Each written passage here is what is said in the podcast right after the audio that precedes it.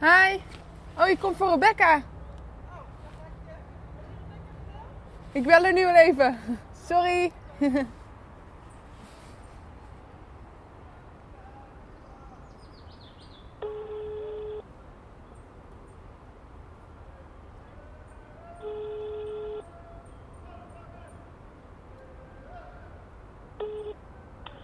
Dit is de voicemail van Rebecca Deus.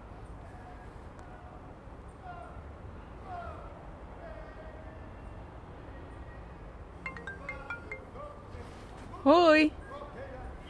Oh, daar ben je. Ja. Kan ik, kan ik dit hek open krijgen? Of is het gewoon dicht? Oh, ik voel me al zo'n sukkel. Oké. Doeg.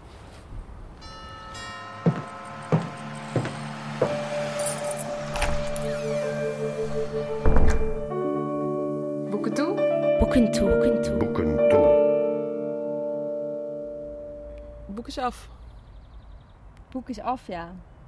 Hoe voelt het, hoe voelt het voor jou, een afboek? Voelt het anders dan normaal? Ehm, wat zo vervelend is, en dat heb ik eigenlijk altijd met als ik iets afmaak of als ik een. Ook met theatervoorstellingen. ehm, dat ik, ik iets ga schrijven omdat ik ergens niet uitkom. Dus er is een soort. Iets wat wringt of iets wat ik niet begrijp of niet snap. Of iets waar ik achter wil komen. En dan plan ik een première datum of ik, ik, ik maak mezelf de belofte van een boek of wat dan ook, een, een eindproduct.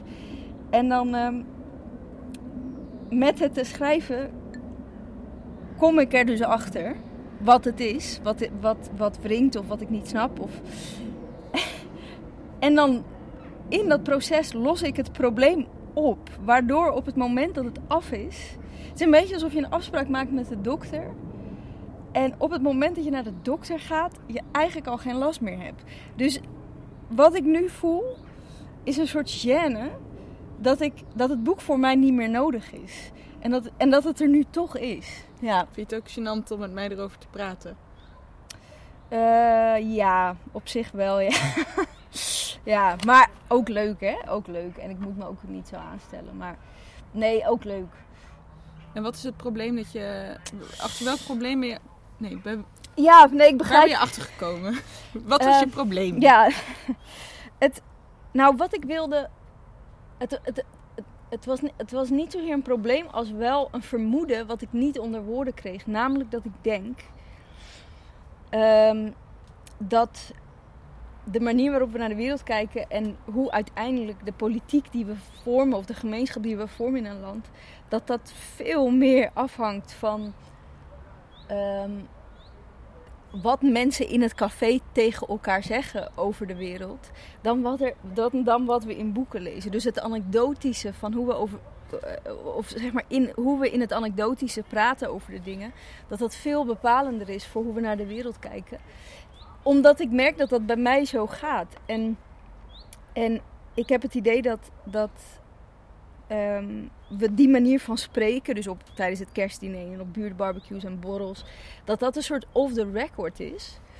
Eh, of dat we denken dat we dan een beetje zo kunnen lullen tegen elkaar. Wat natuurlijk wel zo is, maar ik, ik, ehm, ik heb het idee dat ik wel door alle dingen die mij ooit verteld zijn over hoe de wereld in elkaar zit, door op, nou ja, in het café en op buurtbarbecues, eh, dat, dat ik daar enorm veel mee bezig ben geweest. Dus eigenlijk, wat, dat boek is een beschrijving van die anekdotes enerzijds, die allemaal waar gebeurd zijn, waarin momenten waarin dat gebeurt. En dat ik daar dus 15 jaar over heb nagedacht en dan een soort antwoord formuleer daarop. En ja, waar ik ook wel bang voor ben, is dat ik misschien wel een soort. dat de mate waarin ik dus dingen.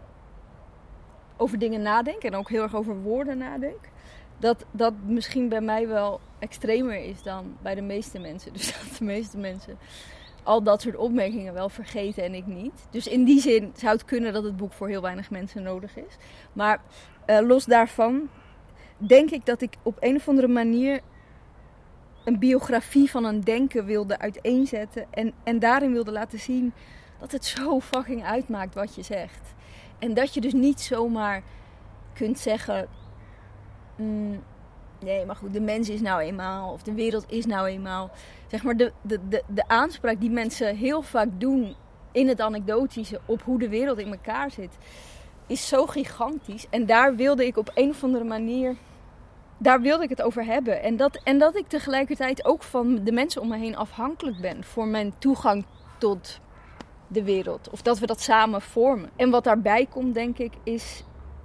is want het boek heet Afhankelijkheidsverklaring. Is dat we dus super afhankelijk zijn van elkaar.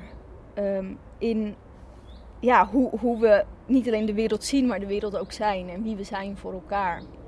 Eh, ik weet niet of het in het boek staat, maar ik, in mijn vorige boek heb ik geschreven dat iemand een keer een afhankelijkheidsverklaring zou moeten schrijven. En dat die zou moeten beginnen met de zin: Wij veroorzaken elkaar. En dat is een beetje, de, denk ik, wat, waar ik heilig van overtuigd ben. En wat denk ik in dit paradigma niet zo aanvaard wordt. En waar ik een verbeelding voor wilde schrijven, basically.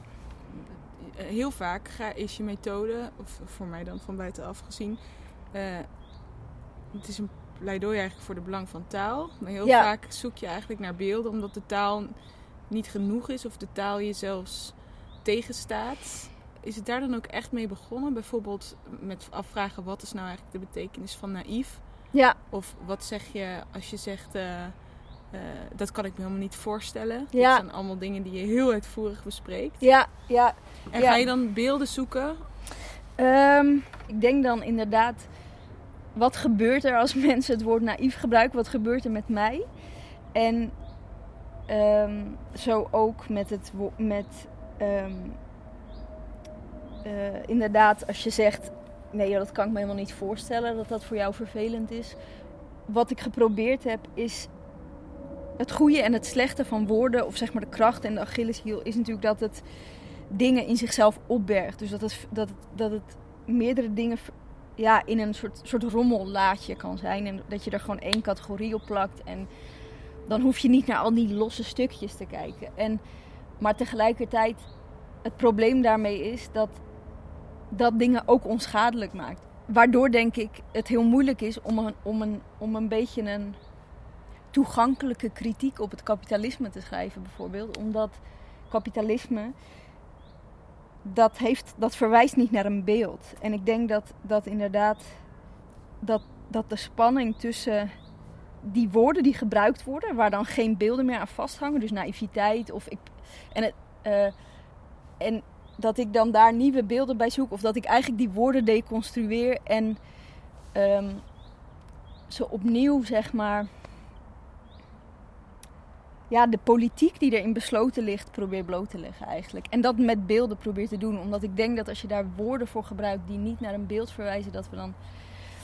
Ja, dat je snel in de war raakt of zo. Ik heb het idee dat als je bij het beeld blijft. En daarom is het misschien ook in zekere zin veel meer een literaire bundel dan een denkende bundel. Omdat het uiteindelijk wel bijna altijd eindigt met een beeld en niet met taal. Maar dat is wel. Het, het, het laveert daar wel heel erg tussen.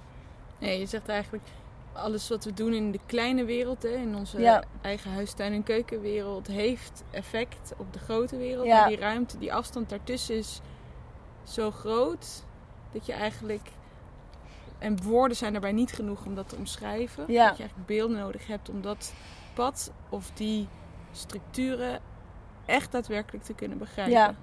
Ja, nou en ook dat, dat ik denk dat, ehm, dat het onderscheid wat je nu maakt, dus de huistuin- en keukenwereld en de grote wereld, ik denk dat ik, ik denk dat ik een pleidooi hou voor te, dat als een vals dilemma te zien of als een valse tegenstelling. En, en de reden dat ik daar, dat ik probeer de verbinding tussen het kleine en het grote, en dat zet ik dan tussen aanhalingstekens, maar dat, ja, dat zie je niet. Ehm, dat is dat ik denk dat op het moment dat je dus, en daar zijn we allemaal toe geneigd, dat onderscheid in stand houdt tussen het grote en het kleine. Ehm, de druppel op de gloeiende plaat en zo. Ehm, dat dat een tegenargument is om iets te doen en dat we dat vaak ook tegen onszelf zeggen. Van ja, dit is een druppel op een gloeiende plaat. ehm, ik heb op een of andere manier het gevoel dat dat toch geïnternaliseerde VVD-retoriek is. En nu word ik even heel concreet, want het is op zich niet, zeg maar, het is in die zin, het is, het is wel een politiek boek, maar het is niet, het, is, het, het pleit niet voor een bepaalde politiek, maar wel voor, denk ik, een politiek bewustzijn dat uh, gaat over, ja, wat gebeurt er als, als, als je inderdaad gelooft when you buy into the narrative van het verschil tussen grote en kleine, kleine wereld. Want ik denk dat wij die grote wereld zijn, zeg maar. En, dat, dat, en, en met, met te beschrijven, uh, de wereld is nou eenmaal zo. Wat het gevaar daaraan is, is dat je jezelf buiten de wereld plaatst. In plaats van verantwoordelijkheid te nemen voor het feit dat je misschien wel door zo'n aanspraak te maken op de wereld een bepaald beeld reproduceert. Nou ja, dus dat, dat, dat zijn dingen die ik probeer, die ik nu zeg maar uit, in een volzin kan zeggen. Maar daar heb ik. Uh, acht jaar over gedaan. om, om dat uh, helder te krijgen. Niet omdat ik denk dat we zeg maar allemaal bij het Wereld Natuurfonds zeg maar dat het wel uitmaakt. Maar omdat ik denk dat het onderscheid. Dat creëert een heel verkeerd beeld. Dus ja, het houdt eigenlijk het niet politiek in stand. Ja, het zegt eigenlijk, in de grote wereld, daar doen de dingen toe. Maar in mijn kleine wereld exact. maakt het niks uit. En dat, dat je dat zegt en constant blijft herhalen, ja. maakt dat alleen ja. krachtiger, dat Klopt. onderscheid. Dat Klopt. Voel jij je vaak buitengesloten? Je moest je namelijk aan denken toen zeg maar, de bundel begint inderdaad met een aantal anekdotes. Dus bijvoorbeeld, je bent op de buurtbarbecue en daar heb je gesprekken met bijvoorbeeld de vriendinnen van je zus en de buurman. Ja. Um, en in al die gesprekken komt naar voren dat ja, die mensen iets doen of zeggen waarvan jij denkt, huh? Ja, dat is een goede vraag. Ik denk, ik denk dat, dat dat een beetje een default setting wel is. En dat ik dus. Uh, um, en dat ik die ook wel ben gaan cultiveren. Dus dat dat ook maakt dat ik doe wat ik doe nu. Ik ben de jongste in een gezin en ik. Um, wij zijn geboren in Chili. En ik heb lang in een soort taalvacuum gezeten, omdat ik vroeger. Ik, ik had een vriendje in Chili met wie ik een een, een taal heb uitgevonden die ik sprak voordat ik een andere taal sprak. En toen sprak ik Nederlands en toen sprak ik Spaans. En toen kwam ik in Zaandam terecht. En toen was ik het enige Nederlandse meisje daar op school. Um, ik woonde in Poelenburg, een, een, een, wijk met heel veel uh, Turkse immigranten. En toen heb ik blijkbaar heel lang, een jaar lang, niks gezegd. Dus ik, ik, ik denk dat ook mijn soort rare taligheid of, of, of ik voel me ook vaak buiten de taal zitten.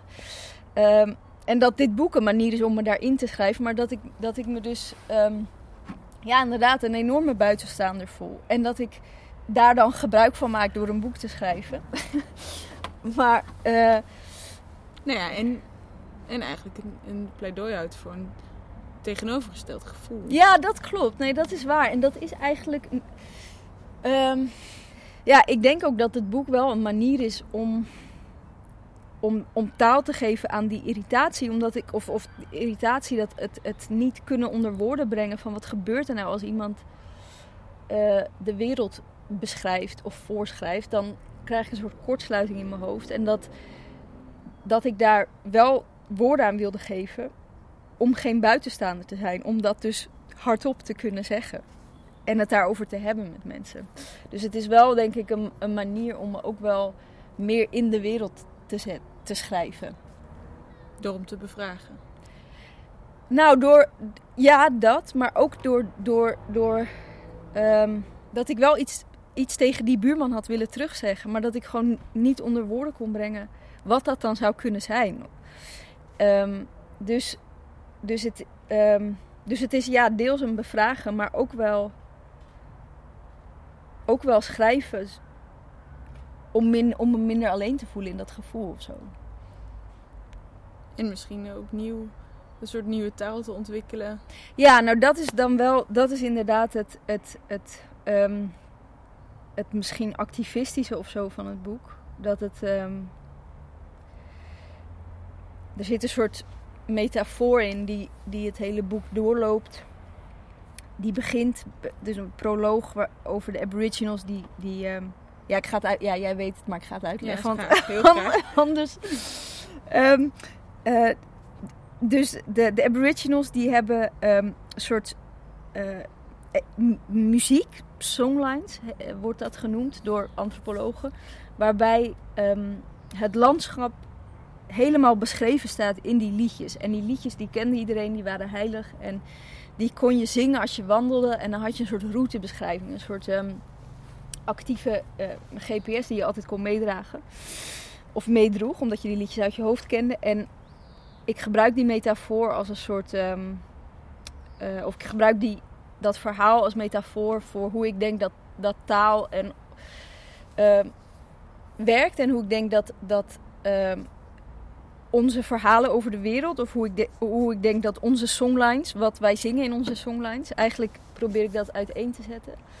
Ehm, en ik ben het met sommige dingen die, die, die, die wij zeggen over de wereld niet zo eens. En probeer ik daar dan wel een soort nieuw liedje tegenover te stellen. Nou, niet actief, maar wel een suggestie te doen van de mogelijkheid dat dat kan. Ik, het valt me op dat je, het- dat je het zelf inkleedt. Dat je zegt van... Ja, het boek is niet activistisch. Ja, misschien toch wel een beetje. Ja, ja, ja. Ik doe het niet actief. Ik zet een suggestie er tegenover. Maar misschien wil je niet zo zijn als de buurman. Misschien wil je niet als antwoord op de buurman Een andere, een een ander, ander ja, wereldbeeld waarvan je zegt... Ja, dus zo steekt het in elkaar, mensen. Ehm, nou, op zich ben ik best in, in, in bepaalde dingen, in dingen die ik doe, in, in de theaterdingen die ik doe, heb, ben ik. Er wordt best wel vaak aan mij gevraagd waarom ik. ehm, of dat niet gevraagd, gezegd dat, dat ik een soort dominee ben.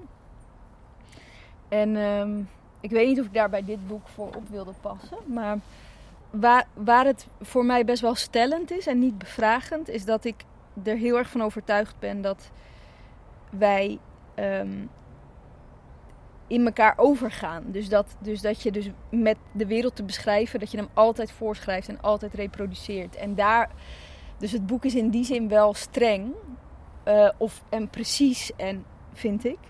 Ehm, er zit een essay in wat gaat over ik ben geschiedenis gaan studeren. En eigenlijk vooral omdat mensen dus zeiden hoe de wereld werkt. En toen dacht ik, hé, maar volgens mij is dat gewoon echt niet zo. En dan ben ik dus geschiedenis gaan studeren. En dan had ik alsnog gesprekken in het café met mensen waar, die helemaal niet wilden weten dat de wereld misschien wel anders of, of, of in elkaar zat. En ik merkte ook dat, dat door geschiedenis te studeren, dat je, wil je een uitspraak doen over waarom het Romeinse Rijk is gevallen, dan moet je gewoon best wel veel factoren in rekening nemen. Dus je kunt niet zomaar zeggen, ja, weet ik veel, door het wegvallen van de middenklasse en omdat bla bla bla. Er worden best wel vaak parallellen getrokken tussen het Romeinse Rijk en het val van, zeg maar, eh, het geopolitieke Westen.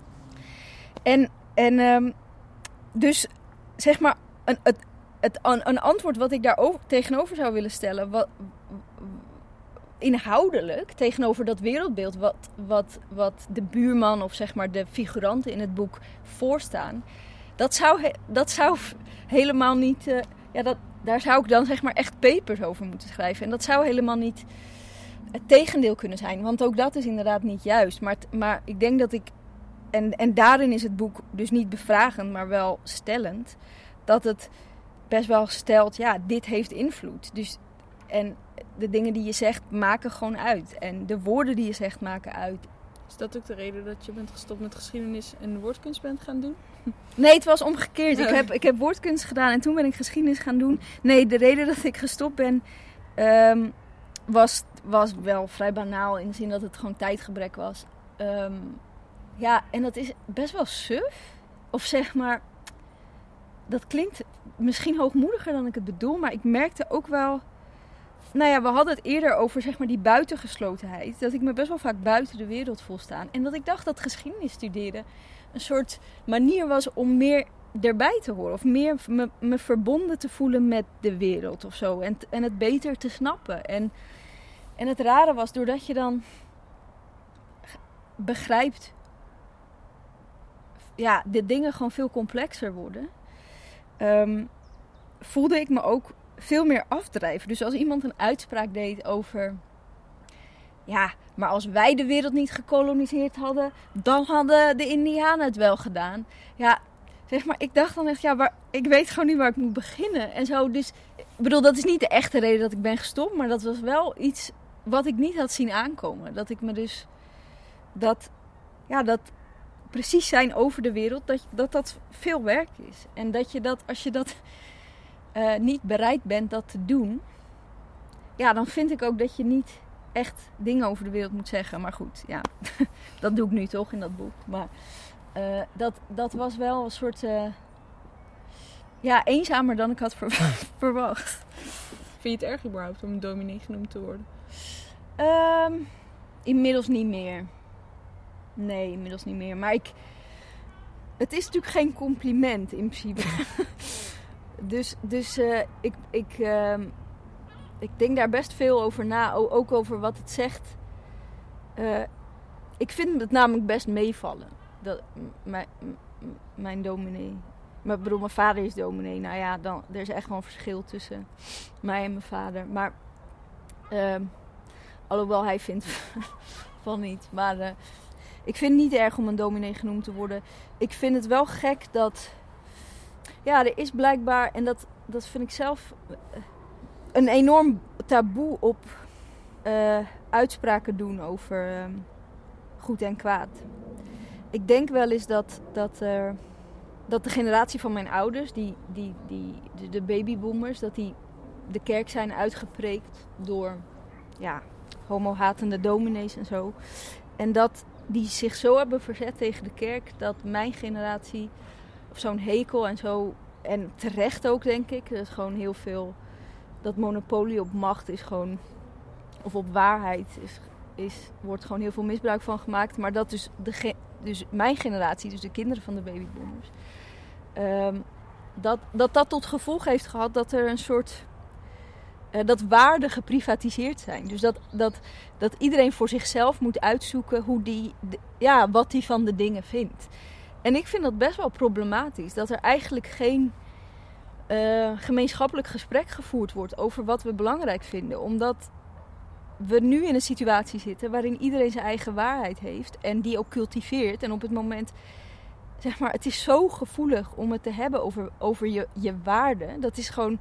En ik denk ook dat dat heel erg bijdraagt aan, aan het feit dat, um, dat, dat de toestanden gewoon zo gepolariseerd zijn. En dat we daar ook niet uit kunnen komen, omdat onze waarden zo, ja, omdat we een beetje veroordeeld zijn tot, tot het eiland van onze eigen waarheid en in ideologische bunkers zitten. Dus ik denk dat, dat elke vorm van een publiek gesprek voeren over waarden al vrij snel gedisqualificeerd wordt als de dominee uithangen. En dat is verboden, want uh, iedereen moet, moet, moet dat zelf, moet voor zichzelf bepalen. En dat is het minst gewelddadig voor iedereen. Want dat weet ik zo net nog niet. Ik denk dat, ik, ik denk dat, dat het feit dat iedereen uh, ja, dus zijn eigen waarheid heeft, dat dat, dat dat voor grote problemen begint te zorgen. Dat we dus totaal niet een gemeenschappelijk gesprek hebben over, over wat we belangrijk vinden. En het dus ook niet zo gek is dat de politiek alles uitbesteedt aan rekenkamers. Ik bedoel, dat ligt niet aan Rutte dat hij geen visie heeft, dat ligt aan ons.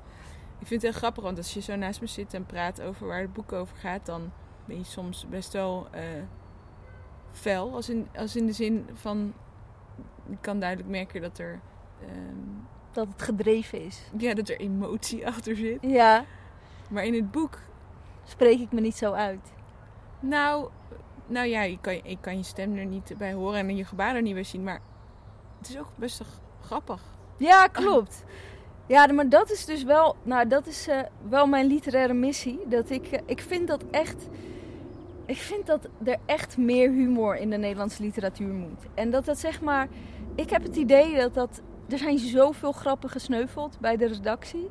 En dat ik dacht, nee, dat is niet goed. Dat, dat humor ik heb soms het gevoel dat humor niet gezien wordt als een vorm van intelligentie of als een coping mechanism, zeg maar, maar als iets dwaas of als iets oppervlakkigs of zo. En dat vind ik echt jammer, want dat zou zo cool zijn als dat echt een. Uh, ja, als we boeken meer ook op, op hun uh, geestigheid zouden beoordelen. Maar het is, het is misschien hetzelfde uitvloeisel van die hiërarchie tussen groot en klein. Ja, Dus groot klopt, is klopt. zwaar en belangrijk. En Ja. klein is, eh, ja... Ja, al nee, zeker, zeker. Dat klopt. Ik ga ook een, soort een, sh- een show eh, maken van mijn boekpresentatie. En het is, het wordt een soort moppetrommel. Maar het, is allemaal, het zijn zulke droevige moppen. En ik, of zeg maar vanuit zo'n. eh, omdat het boek inderdaad wel is geschreven vanuit. Ja, ik meen het ook wel echt of zo. En ik geloof ook echt dat taal zoveel uitmaakt. En zoveel shit veroorzaakt en zo. Ehm, dus het, het is gewoon echt. En eh, dus dat alle grappen die, er, die erin staan. een beetje ook voor mezelf zijn om, om een vorm te vinden om daarmee om te gaan. Met het feit dat het zo echt is. En niet. En dat die grappen die erin staan, dat dat. ehm, dat is even diep of zo. Of daar ik weet niet. Of een reactie op hetzelfde verdriet of zo. Zeg maar. Nou, ik moet denken aan, aan als je muzikant bent, dat je dan dat je zo getuned bent op. Oké, er is een grondtoon en dan moet er, uiteindelijk moet dan het akkoord ergens in uitkomen. En ik, ik kan me voorstellen dat dat gevoel van ja, maar dat klopt nog niet helemaal. Dat ik dat hetzelfde heb met dat ik dan automatisch er dan een grap bij schrijf, omdat het anders niet oplost of zo. Zoals ja, een akkoorden kunnen oplossen. En waarom is schrijven jouw vorm daarvoor? Want je zou ook kunnen denken, je zei ook namelijk in het begin van...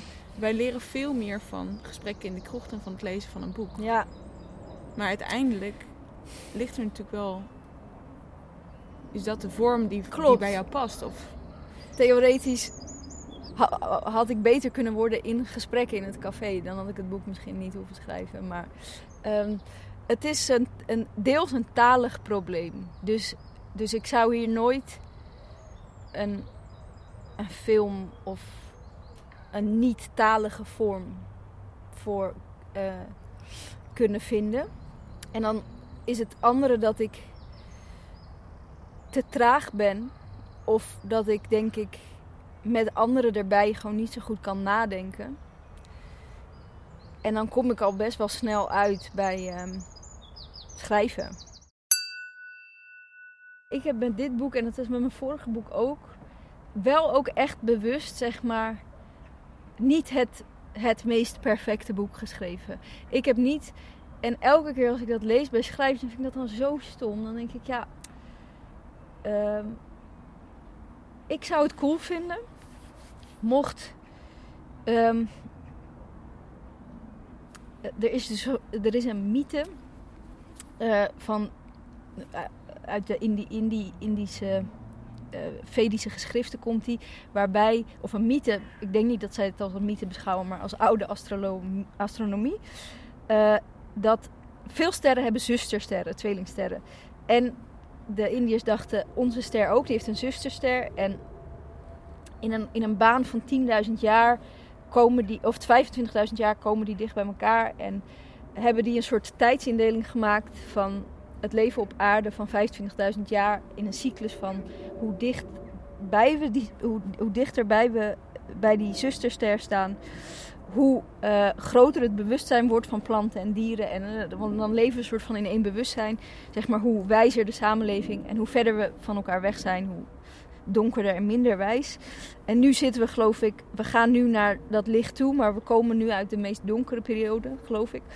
En ehm, de reden dat er geen bewijs meer is van die samenlevingen, is omdat die totaal biologisch afbreekbaar waren. Dus zeg maar, planten groeiden zo dat die huizen vormden voor anderen. En dus er was gewoon zeg maar, totaal geen misverstand, totaal geen oorlog, omdat we dus een soort één groot bewustzijn was. En wat ik cool vond aan dat beeld van die biologisch afbreekbare samenlevingen, dat ik dacht, oh ja, grappig dat dat dus in hun wereldbeeld het hoogst haalbare is. Terwijl het bij ons precies omgekeerd is. Dus hoe langer het duurt, of hoe, me- zeg maar, hoe, hoe langer het leeft, hoe minder het afgebroken wordt, hoe meer het zegt over de kwaliteit. Terwijl ik het dus best wel, zeg maar, tof zou vinden. En ik zeg dit misschien nu. En nou ja, je moet het me over tien jaar nog maar eens vragen. Maar Dat, Dat- is goed. eh, dat, dat het. Ik zou het cool vinden als, als juist een soort de biologische afbreekbaarheid van dingen van boeken, van gedachten, dat die opgenomen worden in, in, in volgende generaties. En dat je dus dat je dus niet een boek moet schrijven dat zeg maar op zichzelf blijft bestaan en, en voor de eeuwigheid. Maar een, een boek dat, eh, dat als het ware, zeg maar, er wordt nu veel gepraat over kan Michael Jackson wel of niet gedraaid worden op de radio. Maar ja, het maakt niet uit of je hem wel of niet draait, want hij zit sowieso in alle generaties die na hem komen. Dus je kunt niet meer, zeg maar, popmuziek zonder. Er is geen popmuziek die zo verandert, zeg maar. Dus dat lijkt me cool, dat je dus uh, een boek schrijft voor het geheel. Maar het feit dat, dat wij dan achter onze computer zitten en denken wat voor nut heeft het, is denk ik volgens mij maar ook een beetje het gevolg van het feit dat we natuurlijk constant van ons wordt gevraagd om ons individueel kunstenaarschap te cultiveren. En het komt allemaal op onze namen en zo. Dus het is ook wel, we leven in een systeem waarin het, het idee van, nou ja, dat staat ook in het boek, zeg maar, de geniale klootzak of genialiteit en een soort splendid individual zo gecultiveerd wordt. Dat we ook smullen van zeg maar die Peter Bualda verhalen. Die dan al zijn relaties kapot laat gaan. Omdat hij zeg maar het perfecte boek wil schrijven. En het niet over zijn hart kan verkrijgen. Of zeg maar het niet wil dat zijn tweede boek minder goed zou zijn dan zijn eerste boek. Ja, dat vind ik echt jammer. ja, op zich... Uh, doe mij maar wel het leven of zo. En het leven uh, doe ik wel ook met boeken. Dus in die zin is daar ook niet echt een onderscheid in. Maar wel, ja, ik, ik, ik vind het wel belangrijk om, om inderdaad niet te veel af te zonderen. Is er een beeld in het boek dat jou het naaste aan het hart ligt? Als in de zin een beeld dat voor jou het meeste helderheid heeft, heeft geschept in de, vraag, in de vragen waar je mee zat voordat je het schreef? Um, nou, er is een beeld over afhankelijkheid, wat wel, waar ik ook echt lang over heb moeten doen voordat ik dat had.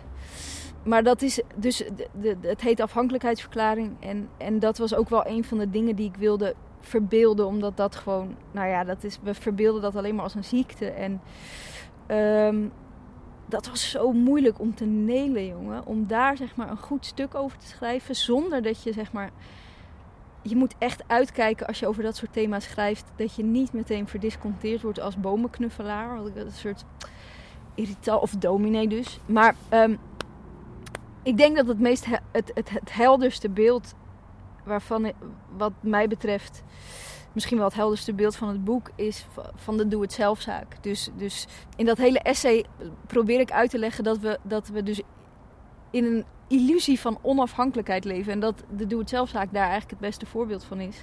Het heet doe-het-zelfzaak. Je koopt er een scharnier.